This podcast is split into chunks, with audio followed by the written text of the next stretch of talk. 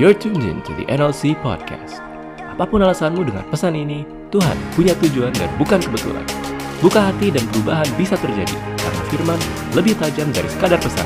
Selamat mendengarkan.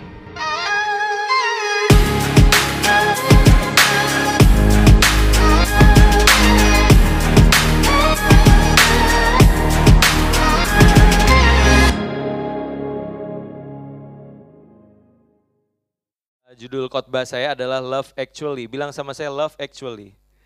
Ada yang pernah nonton film ini? Mungkin kalau angkatan gua, angkatan Merik tahu filmnya ya.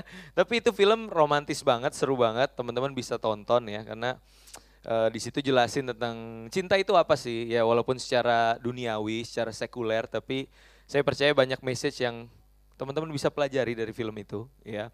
Dan judul ini Love Actually sebenarnya kita mau belajar juga sama-sama cinta tuh sebenarnya kayak gimana sih? Ya, kalau kita bisa bilang I love you kepada seseorang, ya, apakah yang kita katakan itu benar-benar kita mengerti atau cuma sekedar uh, latah aja atau muncul aja dari bibir kita karena itu biasa dikatakan oleh orang-orang yang ada di dunia ini. Ya banyak dari kita berkata I love you tapi nggak tahu definisi dari cinta yang sesungguhnya. Ya, asumsi, semua dibangun berdasarkan asumsi atau apa yang dia tonton, apa yang dia lihat, apa yang dia dengar. Ya.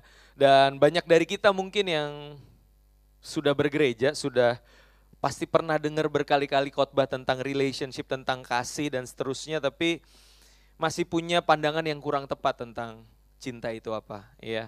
Kita bisa berkata I love you tapi kita malah menuntut sesuatu dari orang orang lain. Ya, kita bilang I love you selama kamu bisa memberi yang apa yang aku mau. Ya, I love you selama kamu bisa bahagiain perasaan aku. Ya, dan I love you selama kamu bisa terus-menerus ngertiin aku ini apa adanya. Ya, itu kan kedengarannya romantis, tapi apakah itu yang benar-benar diajarkan oleh firman Tuhan tentang apa itu cinta ya. Makanya hari ini kita mau belajar tentang apa itu kasih dan pastinya sumbernya dari firman Tuhan dari Alkitab karena kalau kita mau kenal, kita mau tahu kasih yang sejati, pastinya kita harus kenalin pribadi yang punya kasih itu. Ya, dan di di berbagai macam kitab suci yang saya pernah baca, saya pernah cari tahu, cuma Alkitab yang bilang bahwa God, Tuhan itu bukan cuma maha pengasih, bukan cuma maha penyayang, but God is love. Tuhan itu kasih itu sendiri, pribadinya itu kasih dan kita nggak bisa nemuin ini di kitab suci mana pun juga. Dan itu cuma diajarkan di Alkitab. Kalau kita menyembah Tuhan yang adalah kasih, harusnya hidup kita juga penuh dengan dengan kasih. Ya, makanya kita mau belajar seperti apa sih definisi kasih yang sesuai dengan firman Tuhan. Saya catat ada tiga poin teman-teman ya. Apa itu kasih yang sesuai dengan kebenaran firman Tuhan? Yang pertama, kasih itu memberi, bukan menerima. Bilang sama saya, kasih itu memberi. Ya, bukan menerima.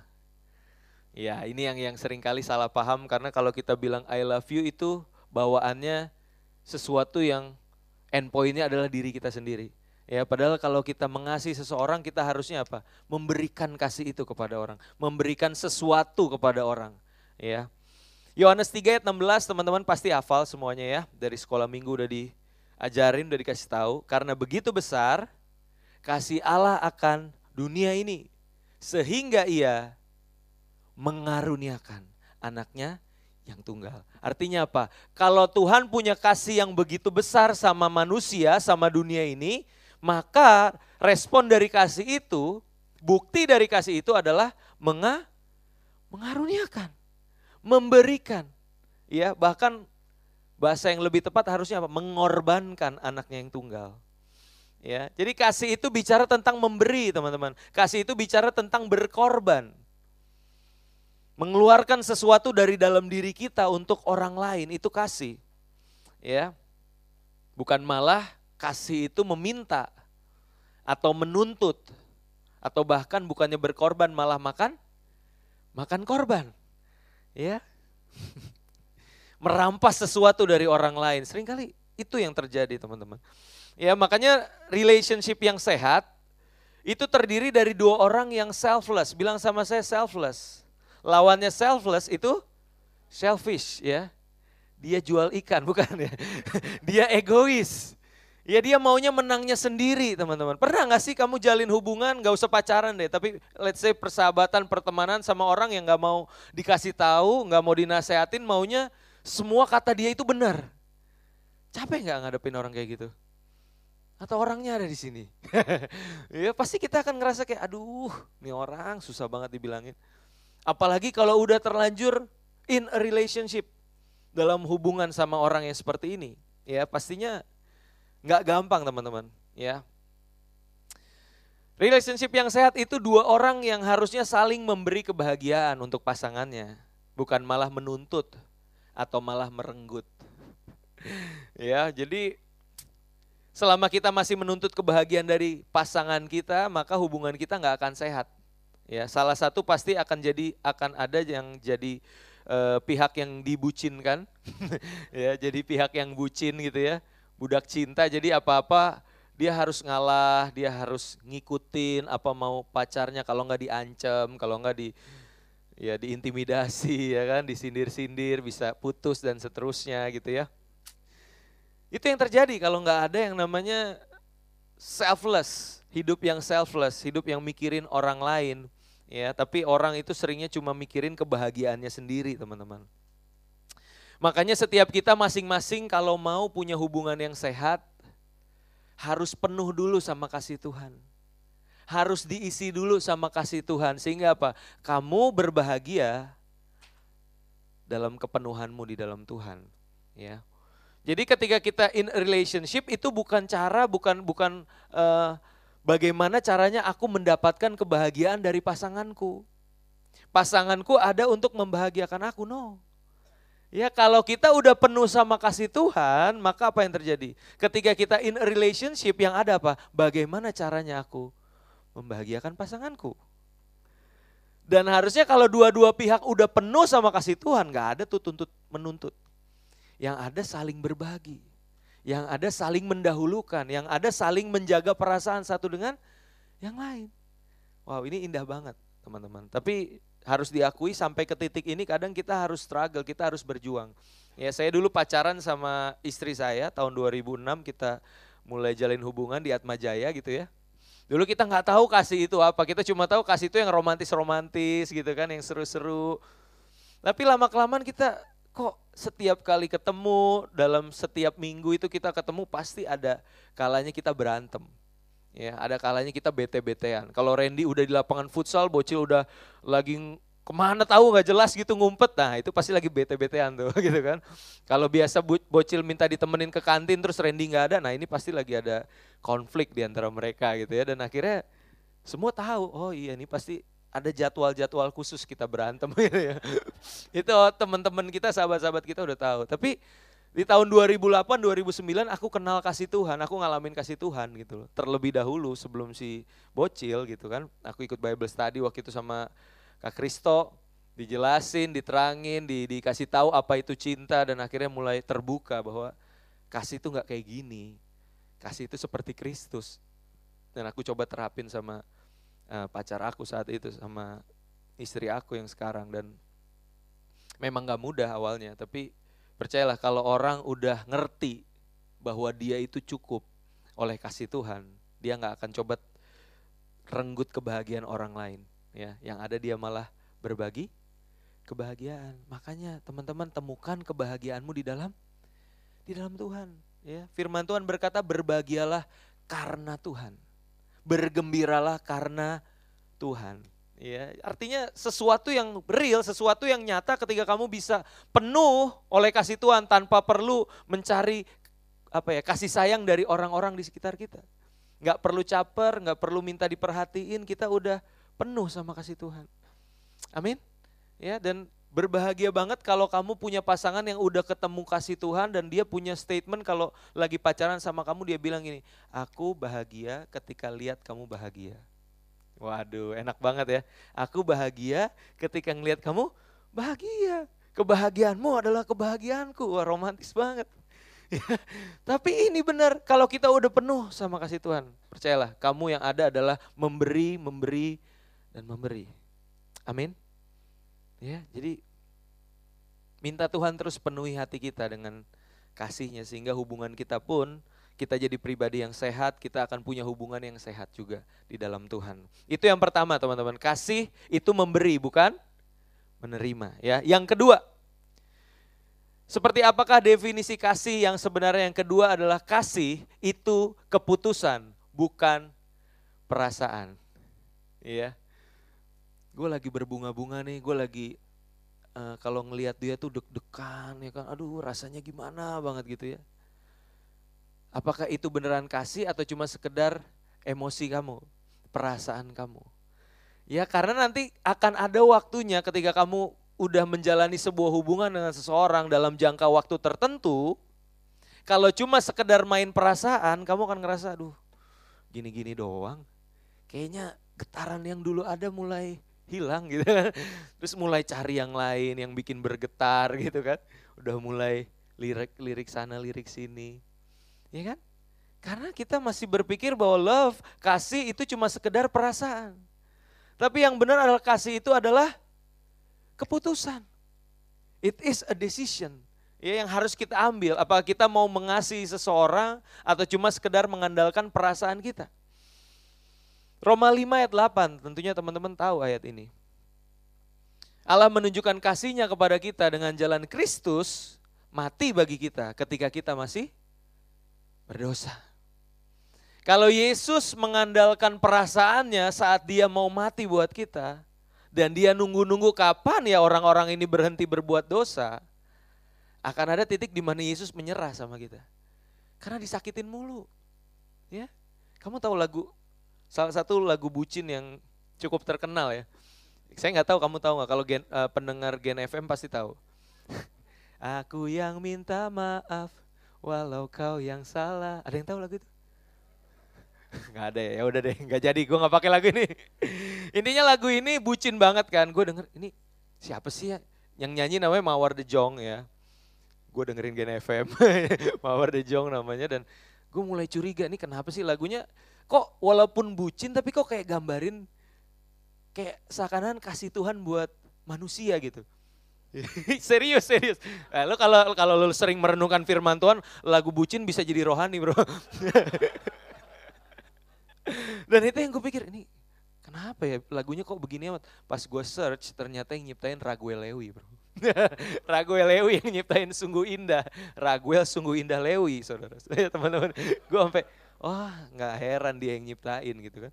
Bucin banget lagunya, tapi bener gak sih bahwa Tuhan itu ketika mengasihi kita nggak cuma bermodalkan perasaan, tapi dia memutuskan untuk mati buat kita. Bahkan ketika kita nggak berhenti-berhenti bikin dosa, dia memutuskan mati buat kita. Dan ketika dia datang ke dunia, kalau cuma main perasaan, dia adalah pencipta meninggalkan surga jauh-jauh buat kita, buat manusia. Lalu manusia malah apa? Mengkhianati dia. Manusia malah merendahkan dia, mencaci, menghina, meludahi dia, bahkan puncaknya membunuh dia di kayu salib. Harusnya ada momen di mana Yesus bilang sama Bapak, Bapak udah capek main kayak gini disakitin mulu hati gue. ya enggak? Tapi Yesus memutuskan untuk tetap mengasihi kita. Bahkan di Taman Getsemani Yesus tetap memutuskan untuk mengasihi Bapa. Ya Bapa jikalau mungkin cawan ini lalu dari daripadaku tetapi janganlah kehendakku melainkan kehendakmu yang jadi. Bukan perasaannya yang didewa-dewakan. Tapi apa? Kehendak Bapa. Dia mengasihi Bapa lebih daripada perasaannya sendiri. Dia mengasihi kita lebih dari sekedar perasaannya. Amin. Ya, jadi cewek-cewek eh enggak juga cewek, cowok juga ya. Kan katanya cewek tuh paling gampang baper ya, main perasaan. Ayo mulai. Kalau kamu memutuskan untuk mengasihi sesuatu, komunitas ini misalkan, mungkin ada tantangan, mungkin ada konflik, mungkin ada hal-hal yang mengecewakan. Tapi kalau kamu decided to live here, untuk tinggal di sini, ayo belajar mengasihi. Amin. Ya. Hmm, kita harus belajar dari satu tokoh di Alkitab namanya Hosea. Ada yang pernah dengar? Hosea ya uh, gembala saya namanya Amos Hosea jadi saya selalu ingat ya kisah tentang Hosea ya di perjanjian lama ada seorang nabi yang dipanggil Tuhan untuk memberitakan firman untuk uh, memberitahukan apa yang Tuhan mau sampaikan kepada bangsa Israel saat itu. Dan di tengah pelayanannya tiba-tiba datanglah firman Tuhan kepada Hosea. Firman Tuhan berkata apa?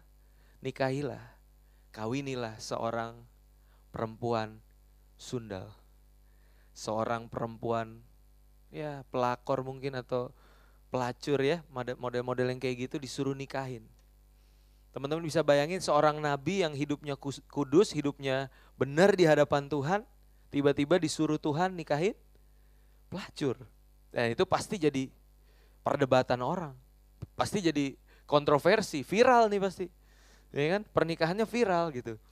Tapi Hosea memilih untuk tetap taat kepada Tuhan dan dia menikahi si Gomer ini ya. Bukan bebek tapi perempuan ya. Itu Gomer ya. nah dia nikah lah akhirnya sama si Gomer ini. Dan di tengah pernikahannya akhirnya uh, mereka saling mencintai dan lahirlah seorang uh, laki, anak laki-laki namanya Yisrael ya dikaruniai Tuhan dan uh, Gomer dan Hosea sangat bersuka cita. Dan di tengah uh, panggilan pelayanannya tentunya Hosea juga harus uh, melayani ke berbagai daerah ya karena mungkin dia juga adalah seorang pastorgram jadi banyak yang ngundang gitu lewat DM-nya jadi dia mulai pergi meninggalkan uh, Gomer dan anaknya apa yang terjadi ketika dia melayani di daerah lain dia pulang ke rumah ternyata didapati bahwa Gomer sudah mengandung lagi ya sudah hamil lagi Hosea mulai berpikir Tuhan ini anak dari mana ya? Apakah ini anak dikandung dari roh kudus Tuhan? Tapi itu kan Maria Tuhan, bukan Gomer Tuhan. Akhirnya dia, ah yaudahlah. Ya, lahirlah anak namanya Loami ya. Loami atau Loruhama duluan ya. Nanti cek deh di Alkitab, gue lupa. Ya Loami kalau nggak salah ya lahir. Dan di tengah kebingungannya dia kembali melayani Tuhan, meninggalkan Gomer, dia pulang lagi, apa yang terjadi? Hamil lagi, ya kan? Aduh roh kudus, roh kudus kata dia gitu ya hamil lagi nih. Dan ternyata didapati bahwa Gomer memang punya laki-laki lain. Ya, Gomer ternyata berselingkuh teman-teman. Dan betapa sedihnya hati Hosea ketika Gomer akhirnya pergi bersama kekasih barunya meninggalkan Hosea dan tiga orang anaknya. Wah, galau banget. Ya gak sih? Dia sedih, dia hancur pasti hatinya. Mungkin teman-temannya bilang, ya lu sih makanya lu cek dulu deh itu beran Tuhan yang suruh atau lu yang nafsu sama dia gitu ini kali sama teman-temannya atau teman-temannya mungkin ya udah ini pasti jalan yang terbaik dari Tuhan. Lu emang harus berpisah sama dia. Kalau enggak pasti nanti pelayan lu bakal terganggu dan seterusnya ya. Dan di tengah banyak omongan-omongan orang dan mungkin uh, Hosea pun sedang membenahi hatinya sendiri dia masih belum bisa terima keadaan tiba-tiba firman Tuhan datang kembali kepada Hosea. Ya Hosea 3 ayat 1 dari tadi kita belum buka Alkitab, ya kita buka biar Kristen ya. Hosea 3 ayat 1 bisa ditampilkan. Nah, lagi di tengah galau-galaunya Hosea, lagi di tengah hatinya yang hancur, tiba-tiba firman Tuhan berkata kepada Hosea, pergilah lagi, cintailah perempuan yang suka bersundal dan berzina. Seperti Tuhan juga mencintai orang Israel. Nah ini yang perlu digarisbawain. Seperti Tuhan juga mencintai orang Israel. Sekalipun mereka berpaling kepada Allah-Allah lain dan menyukai kue kismis. Ada di sini yang suka kue kismis? Harus bertobat ya, karena Tuhan gak suka, bukan bukan. Kue kismis ini artinya ketika itu bangsa Israel mempersembahkan korban kepada berhala berupa kue kismis gitu maksudnya ya. Kalau yang suka kue kismis nggak apa-apa lah, nggak dosa gitu. Tapi menarik ya teman-teman bagaimana ketika Hosea sedang hancur hatinya, tapi Tuhan kasih sebuah perintah untuk kembali mengasihi lagi si Gomer itu. Ya, dan ketika Hosea mendengar perintah ini, mungkin dia bingung juga ya, dia bilang, Tuhan kenapa kayak gini sih? Kenapa harus kayak gini sih Tuhan? Bener gak sih Tuhan ini yang engkau mau dalam hidupku? Tapi dia sadar bahwa ini bukan cerita dia sebenarnya. It's all about his story tentang ceritanya Tuhan. Karena di situ dibilang apa? Sama seperti Tuhan juga mencintai orang Israel. Israel yang sering membelakangi Tuhan, sering menduakan Tuhan dengan berhala, tapi Tuhan tetap sayang sama mereka. Dan itu yang Hosea harus lakukan. Akhirnya dia carilah si Gomer, di mana ya Gomer ya? Dia cari, dia cari, dia cari. Dan ternyata apa ya seperti yang teman-teman tahu ya film Karma ya. di Indosiar Karma. Dan ternyata si Gomer ini ditinggal sama pacar barunya itu. Ah, karena karma kan dia, nah, syukurin gitu. Dia ditinggal. Ya dia nggak punya uang, dia udah nggak ada lagi yang melihara dia, udah nggak ada lagi yang mau sayang sama dia. Dia mungkin mau kembali ke Hosea, dia malu. Ya dia merasa mungkin ah nggak mungkin lagi gue diterima sama Hosea yang udah gue hianatin. Dan dia harus kembali kepada apa? Pekerjaan lamanya. Ya dia harus kembali melacurkan dirinya. Dan Hosea akhirnya mencari-cari sampai kepada uh, di sebuah rumah uh, per, perbudakan manusia. Ya, dan di situ ada Gomer ya sedang di apa ya sedang dijejerin gitu. Terus ya siapa yang mau beli siapa yang mau beli? Gitu kan. Dilelang dilelang gitu. Dan akhirnya Hosea masuk ke rumah itu dan dia tanya sama yang jual mas mas itu yang di depan tuh istri saya mas. Boleh nggak saya bawa pulang mas kata yang jual eh di sini namanya rubah perbudakan mau dia istri lu kok mau dia siapa lu kek kalau dia udah di depan lu harus beli dia dan akhirnya apa Hosea harus membeli seseorang yang adalah miliknya sendiri. Hosea harus menebus Gomer yang ada di depan situ yang adalah miliknya sendiri. Sama seperti Tuhan menebus kita yang adalah miliknya sendiri. Ya, tepuk tangan buat Tuhan Yesus. Ken. ya, Tuhan Yesus tuh keren banget. 2000 tahun yang lalu dia mati di kayu salib. Dia dia datang ke dunia dia dia benar-benar meninggalkan kealahannya dan benar-benar jadi sama dengan manusia. Dia mati di kayu salib. Untuk ini. Untuk membeli kita yang telah terjual di bawah dosa. Dan dia beli kita. Bukan dengan apa? Emas dan perak. Bukan dengan barang yang fana. Tapi dengan darahnya sendiri teman-teman. Ya. Ini kok kisah cinta yang so sweet banget sih. Yang keren banget ya. Lebih daripada drama Korea. Amin. Ih, bener loh. Kisah cintanya Tuhan tuh keren banget. Ya, makanya kalau kalian bisa nangis-nangis nontonin si Opa gitu ya. Tapi nonton Passion of the Christ ah ganti ya udah bosen. Waduh. Hati-hati teman-teman ya. Walaupun Passion of the Christ itu setahun sekali di RCTI ya kadang pas lagi pasca tapi coba deh direnungin lagi, ditonton lagi. Karena cintanya Tuhan tuh nggak ada duanya, ya. Tuhan memutuskan untuk sayang sama kita dan kalau dia udah memutuskan sayang sama kita, dia nggak akan nyerah sama kita. Dia akan kejar kita sampai dapat. Dia akan menangin hati kita. Amin. Ya. Belajar dari kisah cintanya Hosea yang adalah kisah cintanya Tuhan.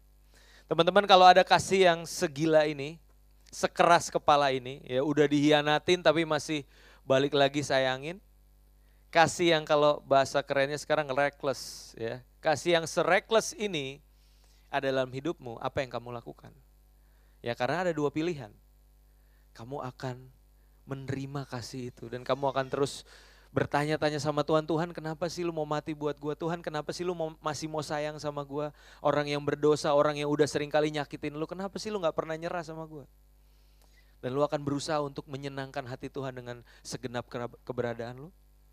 Atau malah lu berpikir kayak, oke, okay, Tuhan tuh gak pernah nyerah. Karena Tuhan itu memutuskan untuk mengasihi gue. Tuhan gak pernah nyerah untuk mengasihi gue. Maka gue akan hidup suka-suka gue sendiri. Gue akan tetap tinggal dalam dosa. Toh nanti gue juga selamat. Kan Tuhan sayang sama gue. Kita akan jadikan kasih Tuhan itu sebagai sesuatu yang mahal atau kita bikin jadi murahan. Ya, tergantung kita teman-teman. Ya. Dan bicara tentang bucin, ya, ini nyambung dikit sama bucin. Di awal tadi kesannya bucin negatif banget ya. Tapi kalau kamu udah kenal kasihnya Tuhan, kamu bisa, kamu boleh kok mempraktekkan kasih yang bucin itu di waktu yang tepat. di pernikahanmu jadilah bucin kepada pasanganmu. Halo? Banyak dari kita yang gua, gua, gini loh, lu kalau lagi dulu pacaran ya, bentar-bentar uh, monthversary gitu ya. Belum belum satu tahun, udah bulanan loh tiap bulan ngasih coklat buat pasangan lo, babe happy monthversary ya, I love you bla bla bla. Tapi udah nikah, ulang tahun pasangan lo aja lu lupa gitu kan. Sampai baru dicemberutin, digalak-galakin baru lu sadar, oh iya ya, dia ulang tahun hari ini, baru inget gue. Ya atau zaman dulu turun dari mobil, pintu dibukain, ya kan? Suruh turun, silakan sayang gitu. Sekarang udah nikah, lu kunci istri lu di dalam mobil, lu lupa istri lu ikut gitu kan, lu udah asik sendiri. Serius, gue pernah hampir lupa soalnya. gue buru-buru, eh istri gue di dalam mobil. ya itu jangan dicontoh ya. Tapi gini loh teman-teman. Kalau kita punya kasih Tuhan dalam hidup kita, ya, kita harusnya bisa mempraktekkan itu kepada orang-orang di sekitar kita. Amin. Ya, pernikahan, komunitas, itu adalah tempat di mana kita pasti berulang kali tersakiti, teman-teman. Itu adalah tempat di mana kita berulang kali mengalami hal-hal yang nggak enak dalam hidup kita. Tapi justru di situ saatnya kita mempraktekkan kasih Tuhan. Kasih Tuhan yang nggak pernah nyerah sama kita. Kasih Tuhan yang begitu nyata dalam hidup kita harus kita praktekin juga. Amin. Ya, yang terakhir teman-teman. Yang terakhir. Seperti apa sih definisi kasih yang sebenarnya yang terakhir adalah kasih itu menerima apa adanya. Namun tidak membiarkan terus-menerus apa adanya. Halo? Ya, kita sering kali bilang, oh your love uh, unconditional love, engkau nggak pernah melihat masa laluku, engkau menerimaku apa adanya benar. Yes, itu kasih Tuhan. Tapi kasih Tuhan yang sama itu nggak mungkin biarin kita apa adanya. Bedain antara penerimaan sama pembiaran. Kalau kamu beneran dikasih Tuhan, pasti nggak akan dibiarin gitu doang. Pasti akan diproses sama dia, pasti akan didewasakan sama Tuhan, pasti akan mengalami yang namanya teguran, ada namanya nasihat, bahkan disiplin dari Tuhan. Orang-orang yang sudah punya anak, punya eh, orang-orang uh, yang diasuh, mungkin bukan sekedar anak secara jasmani, tapi mungkin anak-anak rohani, anak-anak mentor, dia tahu betul pasti. Nggak mungkin gue biarin anak ini terus-terusan kayak gini dengan atas dasar cinta, atas dasar kasih yang tidak bersyarat. No, nggak mungkin. Nggak mungkin anak lu lagi jalan di pinggir jurang terus lu tonton diem aja terus lu bilang gue terima lo apa adanya. Loncat-loncat deh lo. Kan gak mungkin. Ya. Bahkan Ibrani mencatat bahwa Tuhan itu menegur dan menghajar orang yang dikasihinya sebagai sebagai anak. Ya, jadi jangan jadi anak-anak gampangan. Teman-teman, anak-anak yang cuma mau terima yang enak-enak dari Tuhan. Tapi kalau kita beneran anaknya, percayalah, sepanjang hidup kita ini adalah proses pengudusan, proses pendewasaan. Ya, saya punya anak namanya Dominic. Ya, dia dia pulang sekolah tuh paling banyak tingkah. Dia keluar mobil itu langsung main di pinggir got. Liatin got gitu kan. Kadang main sirkus kayak tadi tuh yang jalanan dari kursi itu dia gitu di pinggir got. Ya, ya, ya gitu. gue sebagai papa, gue sebagai ayah yang baik, apa yang gue lakukan? Wah Domi hebat, gedenya jadi sirkus ya, kamu kerja di sirkus gitu. Enggak dong. Pasti akan panggil. Domi jangan main di pinggir got nanti kecebur. Kalau kamu kecebur, kamu benjol, kamu bau, papa harus mandiin kamu gitu kan. Males juga.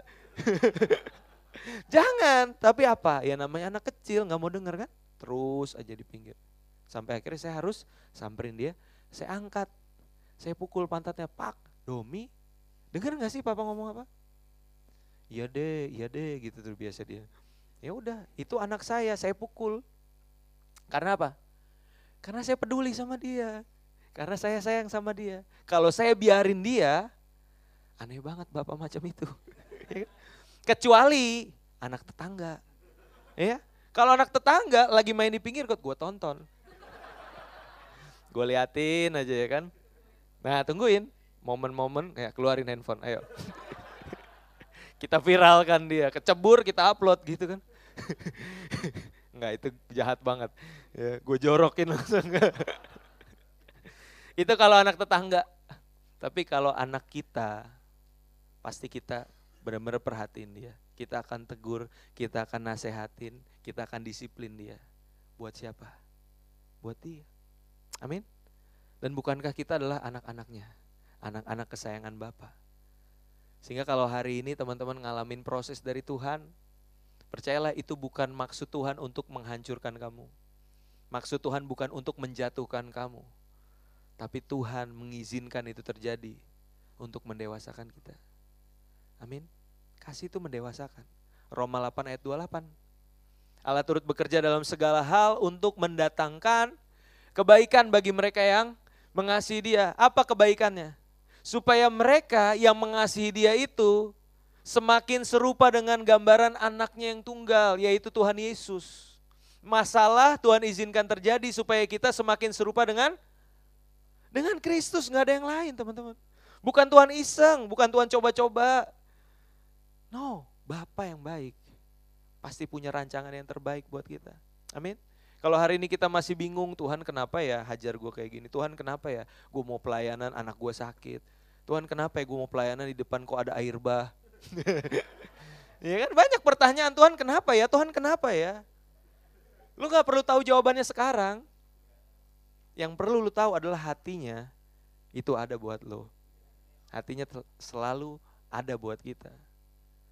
Amin. Ya. Love actually. Biarlah itu kita hidupi dalam hidup kita sehari-hari, ya.